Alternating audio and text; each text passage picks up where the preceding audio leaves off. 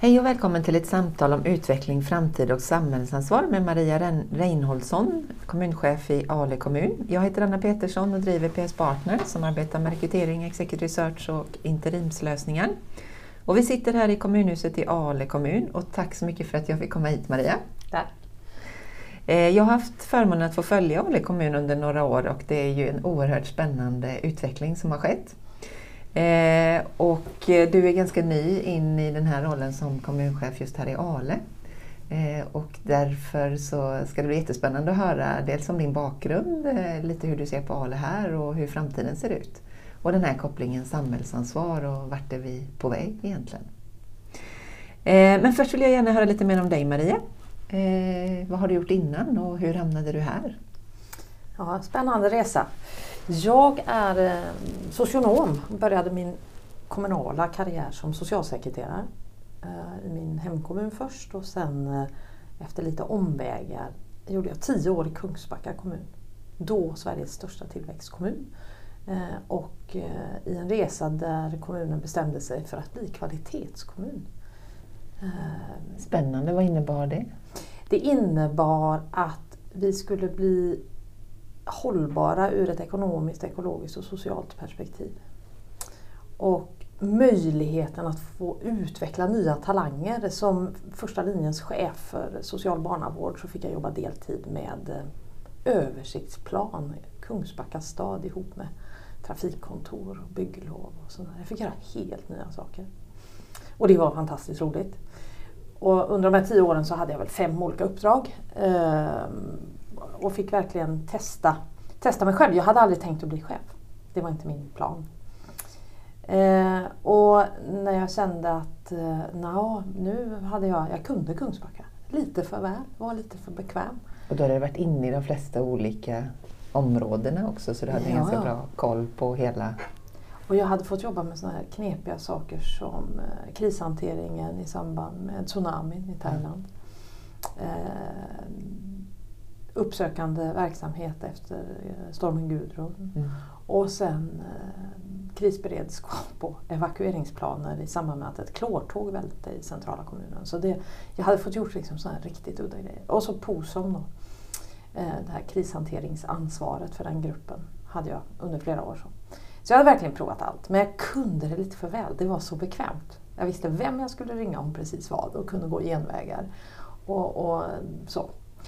Och då blir det för lätt? Ja, det blir lite för lätt. Och det blir lite för bekvämt. Alltså, mm. Jag blev inte mitt bästa jag och utvecklade inte på samma sätt. Och vi hade gjort ganska tuffa resor, både ekonomiskt och organisatoriskt. Och så, mm. När inte engagemanget och lusten är fullvärdig. Och då hade jag lärt mig innan dess att var tredje år fundera.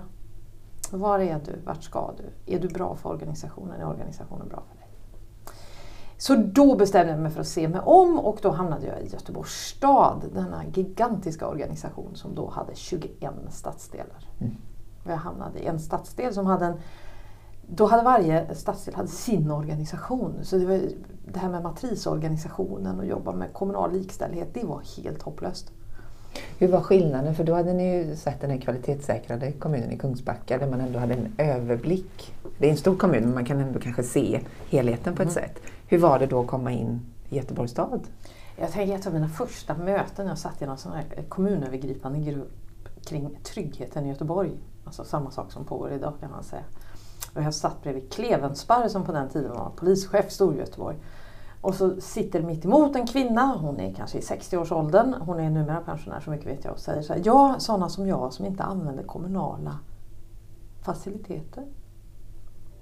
Och Klevensparr han var helt tyst och sa, dricker inte du vatten? det var Göteborg mm. för mig mycket. Alltså, han hade noll koll på vad som var kommunal verksamhet. Utan stadsdelarna levde ett liv. Fackförvaltningarna levde ett annat och det var lite skällsord däremellan. Mm. Förutsättningarna att bedriva jobbet var väldigt olika. Mm. Fackförvaltningarna hade en chefstäthet som, som de kvinnodominerade organisationerna aldrig hade. Det fanns eh, alltså, förutsättningar för medarbetare och, och så, det, var så olika i stan. Mm. Och i början, jag, var, jag tror jag var arg i sex månader för jag förstod liksom inte bristen på logistik. Och då är jag ju socionom och beteendevetare så, Mm. så att logistik var väl inte min. Men det var, det var då jag insåg poängen med Kungsbackas jobb med tydliga processer. Mm. Och logistiken i det så. Och vad menar du med logistiken? Ja men när en människa dyker upp i ett sammanhang, Mm. vad, vad händer då? Vem tar emot? I Göteborg då så kunde det vara så här när det kom någon och säger Hej hej, jag skulle behöva hjälp med bostad. Ja det är inte vi. Nej, vem är det då? Ja det vet inte jag. Det är någon annan.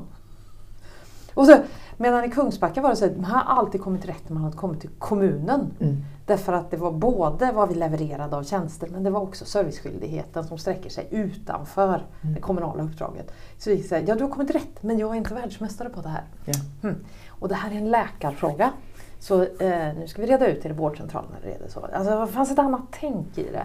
Handlar det om storleken också eller möjligheten att ha en överblick? Eller vad, vad tror du? Nej, det var kvalitetsarbetet. Ja. Den första internationella kvalitetskommunen var eh, Phoenix, Arizona. Mhm. Och de hade börjat med det. FAQ och du har alltid kommit rätt. Mm. Och då vet vi att amerikansk kommunal verksamhet är ju något helt annat än den svenska. Absolut. Men de klarade av det. Och då, då bestämde sig kommunstyrelsen för att det var vårt mål. Då, att vi skulle, alla hade alltid kommit rätt. Ja. Blev det så? Nu är vi tillbaka på Kungsbacka där, men ni lyckades komma dit? Det blev i alla fall, eh, Kungsbacka fick kvalitetspriset. Mm. Ehm, och, och det handlade egentligen inte bara om bemötandefrågorna och det demokratiska utan också om just att processerna var så klarlagda så det gick att se. Eh, ett exempel var när man beslutade om eh, ett nytt ekonomisystem och e-faktura och sådär, att man inte skulle åka iväg. Och så kom det här jätteupprört från många medarbetare. Va? Får vi inte åka till IKEA? Mycket billigare att handla lampor och mattor och så på IKEA. Eh, ska vi följa upphandlade avtal så.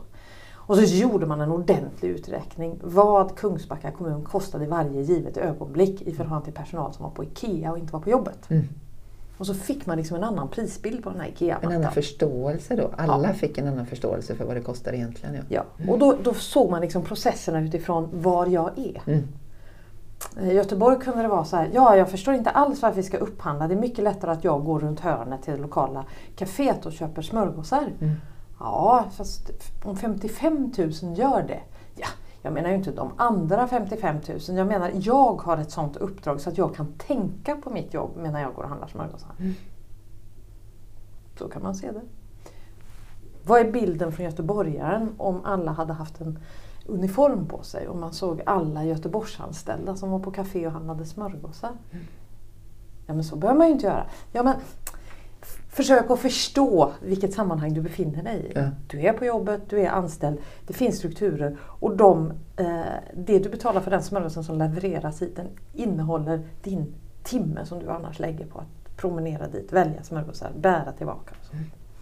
och då är smörgåsarna bara en. Och, och, och, det tyckte jag, det har varit liksom min lärdom i hela det här att begripligheten. Mm. Och också göra det begripligt för de du jobbar med. Precis.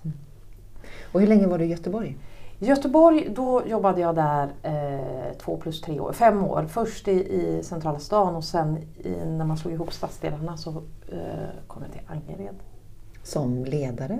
som ledare. Mm. Jag var chef för, jag vet inte hur många medarbetare, men jag hade, i Angered hade jag sju enheter, på slutet nio enheter. Tio enheter faktiskt. Med eh, socialsekreterare som jobbade med myndighetsutövning, Mm. barnavård och sådär. Du har verkligen fått en eh, helhet av Sverige på något sätt. Komma från Kungsbacka som är en viss typ av kommun Ja, till Angered som en annan typ. ja. Absolut den roligaste platsen i världen att jobba på tror jag. Ja? För det blir aldrig som du har tänkt dig. Nej. Man kanske blir ödmjuk i det? Ödmjuk, uppfinningsrik. Alltså när det kommer rusande in en människa och säger Nej, vi måste köpa en burkini. Okej, varför då? Jo, för att det är så stökigt på den nya eh, simhallen. Och eh, unga eh, som, som inte följer regelverket och, och medarbetarna känner sig så obekväma. Så jag har hittat en mamma som alla har väldigt stor respekt för. Men för att hon ska kunna hoppa i bassängen så behöver hon en burkini och det har hon inte råd med. Det är klart vi köper en burkini. Då löste man det Ja, problemet. väldigt pragmatiskt så. Man försöker hitta rotorsaker hela tiden och inte lägga sådana strukturella Så här gör vi Eh, alla alltid hela tiden. Precis, Ja. utan man försöker hitta rotorsaken och skapa ett sätt att lösa det samtidigt som man behöver strukturer för ofta händelserna så måste man klara sällan händelser. Ja. Eh, Och, och i, en, i ett sammanhang där så mycket är olikt, där, där jag aldrig blev liksom hundra, jag kunde inte bli bekväm, Ja. cozy så, för att det hände alltid något nytt som jag inte begrep. Nej. Det var så himla roligt. Och så fick jag jobba med att utveckla trygghetsfrågorna i realiteten, Ja. inte bara i teorin. Och lärdomen därifrån, lite utifrån um, dig själv och ditt ledarskap, vad tar du med dig från Angereds tid? Ehm, hur otroligt stimulerande det är att jobba med väldigt engagerade medarbetare som har en massa åsikter och idéer. Ja. Och vikten av att inte ha rätt men att strukturera idéerna så att de blir användbara. Ja. Och inte tillfälliga hugskott. För, för Angeredsborna, som, som, alltså det är 80 nationaliteter, man får inte glömma det, som ofta är utsatta för projekt, de vill inte vara utsatta för projekt. Nej. De vill att det finns en struktur som är igenkännlig, begriplig, för att myndigheten ska ha någon trovärdighet. Ja. Långsiktighet. Ja. Och För det, det finns ingen grundtillit till myndigheter i allmänhet och inte svenska myndigheter i synnerhet. Så. en, och det kanske vi har missat lite, som har den grundtryggheten by default om man är född och uppvuxen i Sverige. Vi har missat det rejält. De har mycket större respekt för demokratin än vad vi har. Ja. Vi vill gärna ha lite direktdemokrati om vi får som vi själva vill. Mm. Så är det inte i Angered. Där har man otrolig respekt för den demokratiska processen. Mm. Sen kan man försöka deala, men det gör man på ICA också. Mm. Är det 50% på Libro men inte på något annat blöjmärke så försöker man ändå att deala in. Kan vi inte ta det här också? Så. Det, är, det, det är fantastiskt att gå på ICA. Och det är ju väldigt nytt för oss kanske då som är eh, inte vana vid den typen av kultur. Då blir man ju lite ställd i de sammanhangen kan Ja. jag tänka mig. Och man får inte ha bråttom. Nej, precis. Och det är kanske är nyttigt Väldigt nyttigt. egentligen. Men och efter Angered? Efter? Angered, ja. Eh, då var det så här, det skulle ske ett byte på eh, stadsdelsdirektörsnivå och jag insåg att jag skulle inte göra den nya direktören bäst. För vi hade väldigt olika idéer om hur organisationer ska hanteras. Så då började jag se mig om och då fick jag möjligheten att hoppa in som socialchef i min hemkommun igen. Det varade glatt i nio månader och sen fick jag frågan om jag kunde vara kommunchef också. Ja, sa jag. Det är klart man inte säger nej till det. Om någon tror att jag klarar bägge så får jag väl göra det ett tag. Och sen blev jag erbjuden att vara kvar som kommunchef så då var jag där i fyra år. Mm. Och hur var den resan? Eh, ja, ja, det var en nyttig erfarenhet för mig. Ja. Jag gick in med så mycket respekt och ibland till och med lite osäkerhet inför övrigas kompetens. Så att jag, jag kom in liksom i något underdog-läge. Eh, rätt obekvämt i början tills jag insåg att även direktörer för kommunala bolag är bara vanliga människor. Mm. Det tog mig lite tid. Mm. Ehm, det var lite svårt att vara på hemmaplan i den rollen. Eh, inte så Kom mycket för för min nära? del, men det kom nära min familj. Mm. Min mamma hade varit politiskt engagerad och det, hon avskydde när, hon liksom, när det drabbade mig. Mm. Ja, men hon kommer ju i det politiska sammanhang så där kunde man prata om mig och jag har aldrig varit politiskt aktiv. Så det, var, det var ganska slitsamt för både min syster och min mamma. Mm. Sen blev ju jag också en, en våtfilt av min systers karriärmöjligheter när jag fanns i samma organisation. Mm. Eh, Så, så att eh, jag bestämde mig efter eh, ett och ett halvt år ungefär som kommunchef att fram, längst fram till, till valet Mm. eh, 2018. Det var liksom det längsta jag skulle vara kvar. Och informerade kommunstyrelsens ordförande och så om det från början. Och under den resan så bestämde han sig också av att lämna politiken av, av privata skäl.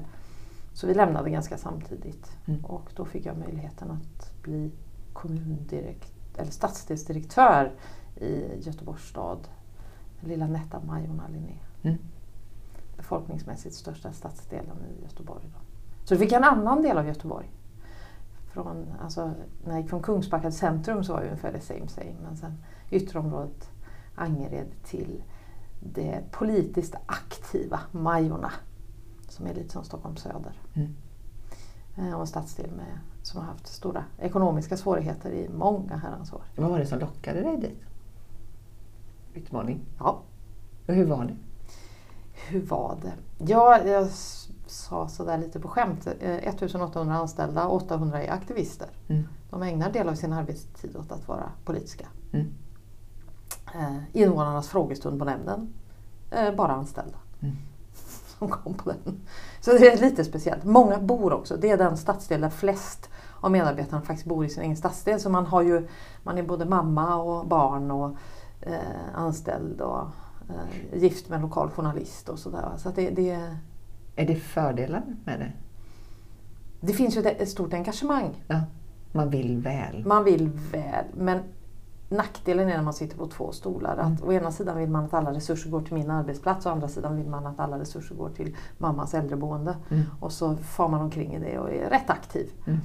Mm. Och ekonomiska frågor är något man pratat om i alla, alla år och det är ett skällsord Mm. att prata om ekonomi. Så det, det var väl annorlunda. Fan, otroligt professionell eh, ledningsgrupp. Eh, men väldigt vana vid toppstyrning. Mm. Att eh, den som stod på scen eller förde ordet var alltid chefen. Mm. Eh, så då bestämde jag mig för att så skulle det inte vara. Utan här skulle alla skina utifrån sitt uppdrag. Eh, Kom ni dit? Jajamän! Mm. Jag stod bredvid den nya ekonomichefen några gånger men sen klev jag av scenen och så fick han stå där själv. Mm. Jag fanns alltid ett steg bakom men det är galet duktiga medarbetare. Alltså. Mm. Riktigt, riktigt duktiga. Vad tar du med dig därifrån? Ehm, Jag tar med mig att oavsett var du är chef i organisationen så har du ett ansvar för att det fungerar i mötet mellan tjänstleverantören och den som tar emot tjänsten. Mm. Oavsett om det är en person i ett äldreboende eller inte. Här hade man under åratal hållit isär det strategiska och det operativa så långt så att vissa saker fungerade bara inte. Och ett av skälen till att budgeten var i obalans var just detta. Man tittade inte på tjänsteutövande närmast den som var berörd.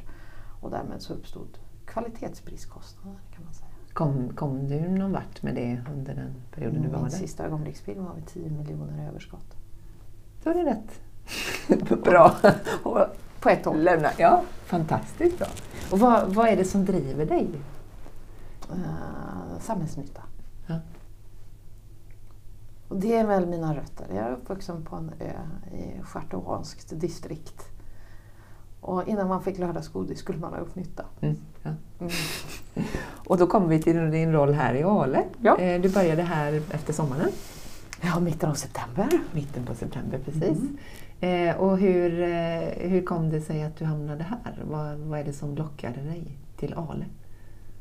Ja du, jag ville ju inte byta jobb. Jag var inte riktigt i, i det modet. För jag hade ju bara jobbat inte ens ett år i Majorna Linné då när det här blev aktuellt. Nej. Det som lockade mig var den politiska, det politiska samtalet och dialogen och drömmen om att jobba i en professionell, alltså den politiska drömmen om att skapa en professionell organisation med samhällsnytta som ledstjärna. Mm. Med tillit och tilltro. Och så. Alltså det var väldigt, väldigt attraktivt. Mm. Mm. Och om man tittar på, för du har ju som sagt varit i stora kommuner, mindre kommuner, stora stadsdelar, lite mindre, olika utmaningar. Mm. Hur, hur, hur landar Ale in? Är det en egen pusselbit eller är det någon form av samlad? Pussel av allt det du har är gjort. en kombination av Strömstad och Kungsbacka. Ja. Eh, bruksorten eller de här landsbygdsdelarna eh, som eh, kämpar för att leva och överleva i ett snabbt växande samhälle. Och väldigt nära en storstad som Och, på gott och på ont kan jag tänka mig. eh, för Strömstad kan man säga, det är ju inte nära någon storstad, ja, men Nej. det är Oslos största tillväxtregion. Man Ja. får inte glömma det. Så om, man, om man bortser från att svenska kartor kan man tro att det är Antarktis som ligger närmast så är Norge väldigt, har väldigt stor påverkan där. Ja. Men Kungsbackas tillväxttakt. Ja. Det Kungsbacka var i, där är Ale nu. Så jag känner ju igen mig så väl. Mm. Att gå från berättartradition och att namngiven person kan allt till att försöka skapa strukturerna, ordning och reda så att uppdragstagaren får sitt uppdrag oavsett om det byts person på de tjänsterna. Mm. För vi lever i ett samhälle som aldrig mer kommer gå så långsamt som det gör just idag. Nej. Och det innebär också att eh, eh, rekryteringsbehovet i offentlig verksamhet beror också på att människor sitter inte på samma tjänst i 10, 15, 20 år längre. Nej. den tiden är lite förbi. Mm. Vi vill ha, många av oss vill ha utmaningar. Mm. Så, så vi kan inte, man kan inte säga som man sa här, jag frågade om någonting och då sa jag, nej det är Håkan som kan. Jaha, vem är Håkan? Ja, han har gått i pension. så då kan ingen det då? Eh, nej. Jättefascinerande. Ja. Men det, är, det finns så mycket hjärta och så mycket engagemang och så mycket vilja. Och bara man får lite ordning på strukturerna så tror jag det kommer gå alldeles utmärkt. Ja. Men det finns planer. Mm. Vi har en lokalförsörjningsplan. Den har ingen jobbat efter. Nej. Så vi saknar lokaler. Vi har en del baracker. Ja. Men det är målet framåt. Ja, Ett av målen framåt. ja men att planerna vi har ska vara tillämpliga i vardagen. Ja. Och att det är liksom vad vi gör på sista raden i relation till Aluborna som spelar störst roll. Mm. Inte att vi har planerna. Nej, att man får ut någonting av det också. Och eh, om man tittar på, du var inne på det här lite hur, hur samhället kommer att eh, vara framåt. Dels i takten och dels allt som händer. Eh, Hur, hur ser du på, på kommunens ansvar och samhällsansvaret? Och, Ja, att vara förtroendevald idag är nog det svåraste uppdraget. Mm. Från och med idag och fram till åtminstone 2035 som vi ser det, så kommer ehm, skatteunderlaget inte att motsvara behoven. ja. Och jag har all respekt för äldre som känner att, att eh, de utpekas som grupp som belastningen i svensk ekonomi. Eh, det är de inte. Men vi lever längre än någonsin. Vi är Mm. också friskare än någonsin. Mm. Eh, jag säger det eftersom jag passerar 50, det är den nya 30. Så. Men när vi väl blir sjuka så behöver vi rätt omfattande tjänster och de tjänster som kan levereras idag är jädrigt avancerade. Mm. Alltså vi har otroligt avancerad hemsjukvård idag som inte fanns förut. Mm. Och det gör att överlevnaden, även om du är väldigt sjuk, är betydligt längre. Mm. Vi har haft otroligt mycket välfärdsreformer sedan 40-talet i praktiken. Eh, och det innebär att det som är grunden i den kommunala verksamheten, alltså det som en gång Gustav Vasa i praktiken grundlade, vi skulle göra tillsammans det som var smartast att göra tillsammans och resten skulle var och en göra själv. Enkelt. Enkelt, Ja. jätteenkelt. Hur gör man det ja, men, idag? Ja, men brandkår är ju enkelt. Man tänker om var och en ska hålla på att släcka sitt eget hus och ingen annan kommer och hjälper till. Det blir ju himla jobbigt. Ja. Medan om vi gör vissa sådana saker ihop så blir det både effektivt och smart. Men det har gått ganska långt. Eh, och vi kan ta ett exempel som 15 timmars barn i förskola. I Stockholm så har det blivit 40 timmar förskola för barn vars föräldrar eh, antingen inte arbetar av arbetslöshetsskäl eller som är hemma med barn nummer två eller tre. Mm. För det blir en rättighet. Man börjar inte Precis. fundera på vad kan jag göra själv och vad gör vi tillsammans? Och dessutom så har vi salufört verksamheten. Alltså att förskolan, det är nödvändigt för ditt barn. Om ditt barn inte går i förskola hela, hela sin barndom så kommer det komma efter i det akademiska Mm. Och sociala. och sociala. Mm. Och då, då får vi fundera på ehm, nu när, när resurserna krymper. Vi, har, vi kan inte anställa människor för de finns inte. Nej. Det kan inte vara så att offentlig sektor ska sluka all kommande arbetskraft de närmaste 15 åren. För näringslivet behöver också rekrytera. Mm. Och skattesatsen, om, om bara jag och mina medarbetare ska eh, generera all skatte eh, underlag i Ale kommun så kommer vi få en tredjedel av lönen varje månad tills det är noll. Ja. Det går Det liksom svårt. inte. Nej men det är klart det är en uträkning som ligger ganska högt upp som man inte alltid tänker på när jag tänker på vad, vad vill jag ha hjälp med? Varför får jag inte det? Precis. Hur, hur, hur kommer man dit då?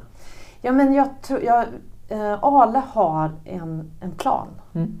Jobbar med att försöka föra en dialog med lokalsamhället kring hållbarhetsutmaningen. Och då, det är både den, när vi pratar hållbarhet pratar vi ofta ekologiskt, men det är också den sociala och ekonomiska Mm. hållbarheten. Mm. Och jag tror att det är en väldigt god idé. För det finns en folkbildningsdel som vi har tappat bort. Mm. Demokratin är så självklar.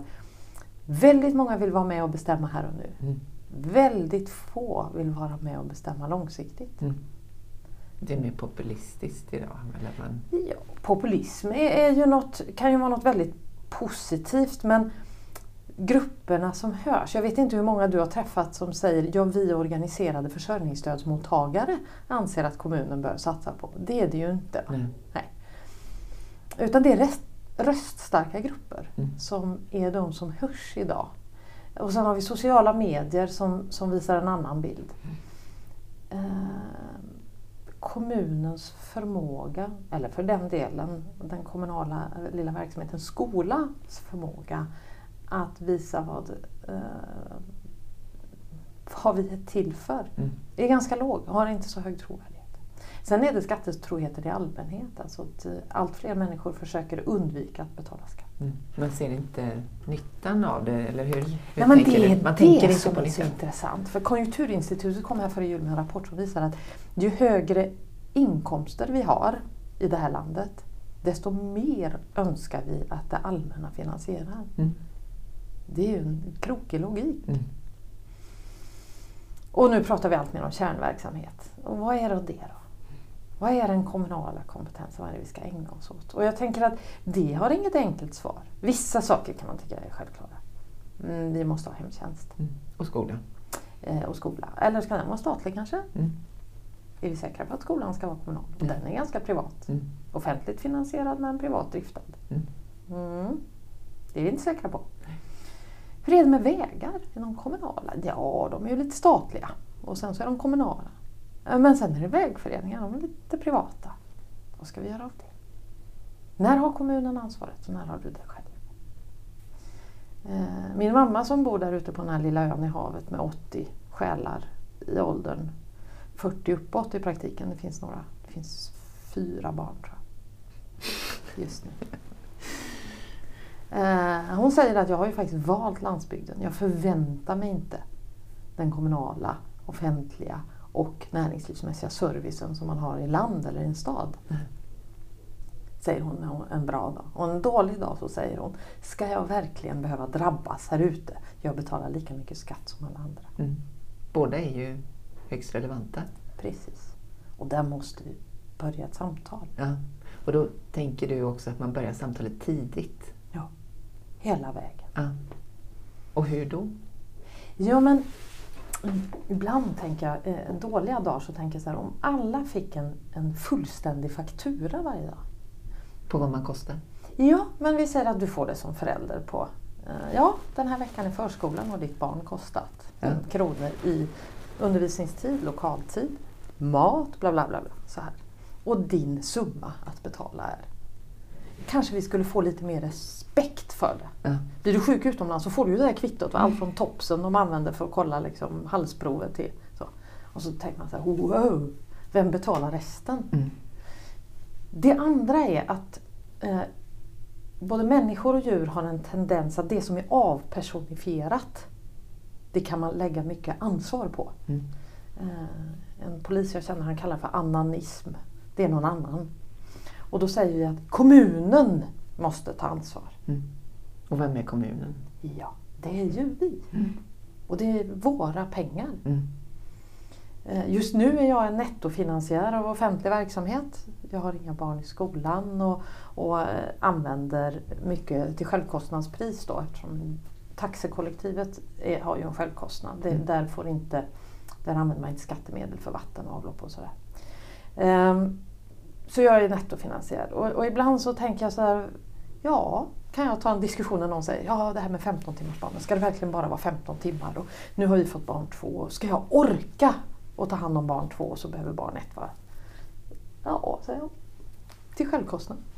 För jag vill inte betala. Nej.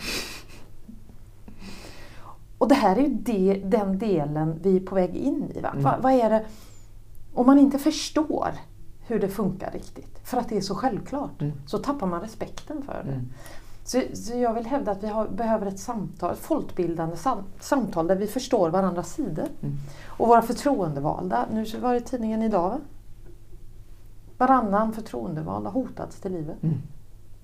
Och det är inte det lättaste att få I en in. demokrati Nej. pratar vi om. Och jag tänker också på att få människor att engagera sig. Är ju inte heller så enkelt om jag har förstått det hela rätt. Nej, alltså att engagera sig i sin egen sakfråga är enkelt. Mm. Men att engagera sig i ett samhällsbygge, Mm. det är jättesvårt. Mm. Men det är ju det mest spännande som finns. Mm. Det finns få saker som är så komplexa. Mm. Om du frågar eh, Sweco som konsultleverantör eller Volvo som billeverantör. Att bygga en kommun Mm. hållbart, det blir inte mer komplext än så. Nej. Och till sig själv på ett sätt. Precis. Och till framtida generationer. Hur ser du på, för jag kan ju ändå uppleva att hela samhället går mer mot me, myself and I. Ja. Hur ska vi då få in den här folkbildningen? När man då tänker, nej men jag vill inte betala för det för jag använder inte det. Precis. Eh, jag tror att eh, vi behöver prata vi är ett land som är väldigt politiskt korrekta sägs det. Vi vågar inte prata om allting. Nej. Nej, vi kan möjligtvis skämta om det mesta men inte Mest. prata om det på allvar. På sidan kanske vi vågar. Och, och vi pratar om åsikter som om de vore rätt eller fel. Återigen kanske för att demokratin är så självklar. Mm. Hur, hur kan en åsikt vara fel? Den kan vara annorlunda. Eh, vi kan säga om den gör någon annan illa så är den ett problem. Mm. Men en åsikt, det, det är ju rätt totalitärt att säga att en åsikt är fel. Mm. Och ändå har vi hamnat där. Är vi rädda för att diskutera? Är det, blir personligt snabbt eller är det det du tänker på? Jag tänker att vi har det så himla bra i grunden. Ja. Alltså när man reser, i, i, i, om du reser till Indien eller Mm. räcker det väl till Egypten kanske, eller delar av Italien. Så, så, så inser jag att vi har det vansinnigt, vansinnigt bra. Och det har vi satt som den nya normen. Mm. Att ha det så bra som vi har det. Mm. De som har det fattigt i Sverige, det är ju de som har försörjningsstöd. Där har inte den ekonomiska utvecklingen följt övrigt. Nej. Eh, vi, vi, behöver, vi behöver spegla det och våga ta den diskussionen. Och våra Mm. förtroendevalda har en resa att göra där. Mm. Jag blev kvalificerat upprörd när i valrörelsen det plötsligt dök upp att man skulle ha en familjevecka. Mm. Man skulle finansiera att barn och föräldrar skulle få en vecka gemensam ledighet till i Sverige. När man rent krasst kan gå in och titta på hur många som inte hinner ta ut sina föräldradagar innan barnet fyller 12 utan tar långsemestrar de sista tre åren för att få ut sina dagar. Mm. Som jag är med och finansierar. Mm. För att det är en rättighet. Mm. Man har tappat bort varför. Ja, men våra förtroendevalda, speciellt på nationell nivå, är för långt från realiteten. Mm. Och det finns undersökningar, det finns en jättevacker bild på nätet som visar hur vi i det sekulariserade Sverige har glidit allra längst ut på kartan i Me, Myself and I. Mm. Allra längst. Av alla nationer i världen Mm. ligger vi där. Vad gör vi då? Samtalen. Ta På alla nivåer? På alla nivåer, alltid. Och stöttar varandra. Mm. Det är inte alltid bekvämt. Det ibland tar det tid, men jag tror att vi tjänar tid på att ta den tiden. Mm. När det ringer någon jätteupprörd till mig och säger varför är det på detta viset? Så är det min skyldighet att ta de där extra tio minuterna och förklara. Mm. Det ligger i mitt uppdrag tycker jag. Mm. Sen är det ju så att vi, åsikterna är olika. Men jag måste ändå förklara teknikaliteten i att drifta en offentlig verksamhet. Mm. Som först och främst ska göra det som vi är satta att göra. Och sen kanske kan ha plustjänster. Men troligtvis så är det det som måste bort de närmaste åren. Och då pratar du egentligen om en tydlighet, för jag kan tänka mig, är man i en kommunal organisation så, ja men det här ska ni göra, det här ska ni göra och det här ska ni göra. Ja, okej då är det det vi ska göra, så man, man vet snart inte vad man ska och inte ska och vad man gör och inte så. Är det en tydlighet, det här kan vi göra men det här ligger inte inom ramen för det vi har möjlighet att göra. Precis. Hela det här kommer vi inte längre kunna göra. Nej. I Ale har vi haft något som kallas yttre hemtjänst. Människor över 67 år kan få hjälp med gräsklippning och annat. Inte för att de är sjuka eller för att de har någon funktionsnedsättning utan för att de är över 67 just. Mm. För att kunna bo kvar i sitt eget hus. Nu har vi inte råd med det längre. Nej. Och då blir det en prioriteringsfråga. Mm. Ska vi kunna hjälpa de svårast sjuka äldre med att ha en torr blöja? Eller ska vi klippa gräs? Och Och när man viktar det så, ja men då blir det tydligt. Då börjar människor förstå. Mm. Och så säger vi så här, vi vill inte sätta intressen emot varandra. Ehm, jo, vi Det måste det. Vi har inget val. Nej. Och då, vi har ju något alltså det mest fantastiska demokratiska instrument vi har, det är ju svensk lag. Mm. Det beslutas av, av riksdagen. Det är liksom ett demokratiskt dokument byggt på de samhälleliga strukturerna som just vi har. Och då, det är fantastiskt att läsa regeringsformen. Det finns så mycket klokt i den. Eh, och jag tänker det individuella självbestämmandet, ja det finns. Mm. Men det är individuellt. Om du vill bestämma själv så får du facilitera det själv. Mm. Och det har vi nog tappat bort lite kanske på vägen. Ja. Av okunskap. Och för att vi har det så bra. Mm. Vi behöver inte bry oss. Nej. Någon filosof sa att det behövs ett världskrig då och då för att upprätthålla solidariteten. Mm. Och komma tillsammans mot ett Ja. yttre hot. Och världskrig är ju att ta i, men vi ser det både i kommunal organisation och annan organisation att när kriser uppstår, vi kan ta tsunamin, Mm. så åh vad människor ställer upp. Mm. Då släpper man sina regler och ordningar och allt det där och man ser en annan Ja, person. jag hade medarbetare, jag hade eh, 15-16 medarbetare då som jobbade 24-7 från eh, tsunamin till det här klortåget var lyft. Det här var under en och samma vår allt detta hände. För jag vet att jag bet sönder en tand som jag lagade i maj, för det var först då jag hann. Och jag bet sönder den på annandag jul. För då ringde en medarbetare som var i Thailand. Ja.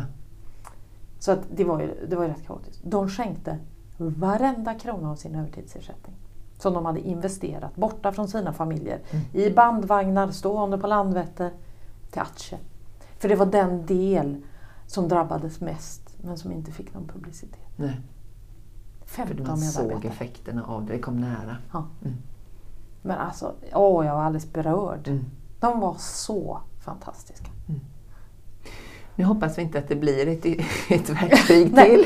Men lite sense of urgency. Ja. Vi måste dit förstå att Mm. det offentliga vi har att förvalta gemensamt Mm. måste användas där det är viktigast. Mm.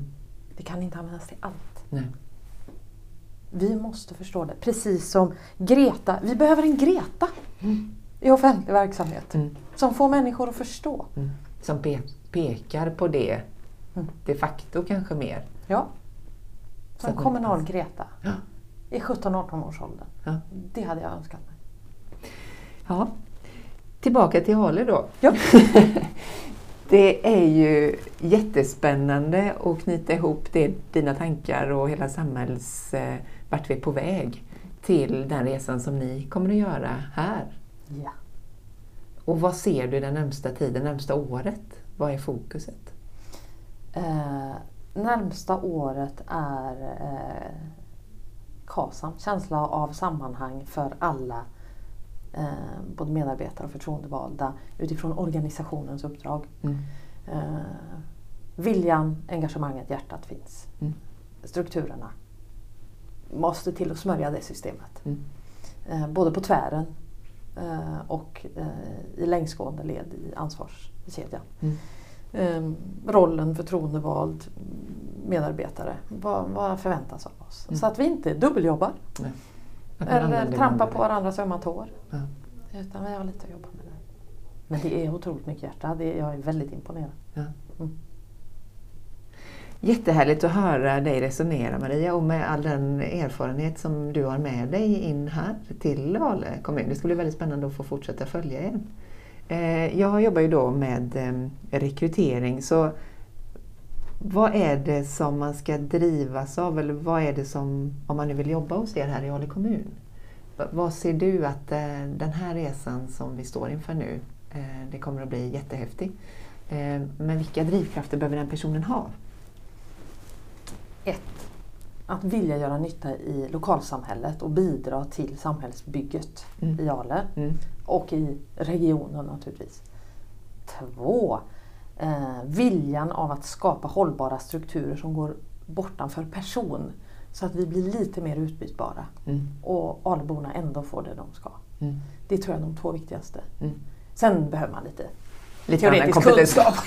Sånt där. Vad bra på vägen också. Ja. För jag har alltid beskrivit er när vi jobbar med rekrytering som en eh, entreprenöriell kommun. Mm. Det finns så mycket känsla, hjärta, vilja eh, och också att man får lov att testa. Ja, Det hela jag- tiden. Ja men prova får du se. Ja men det gick. Ja men då Mm. kör vi på det spåret. Och det är väl inte alldeles vanligt?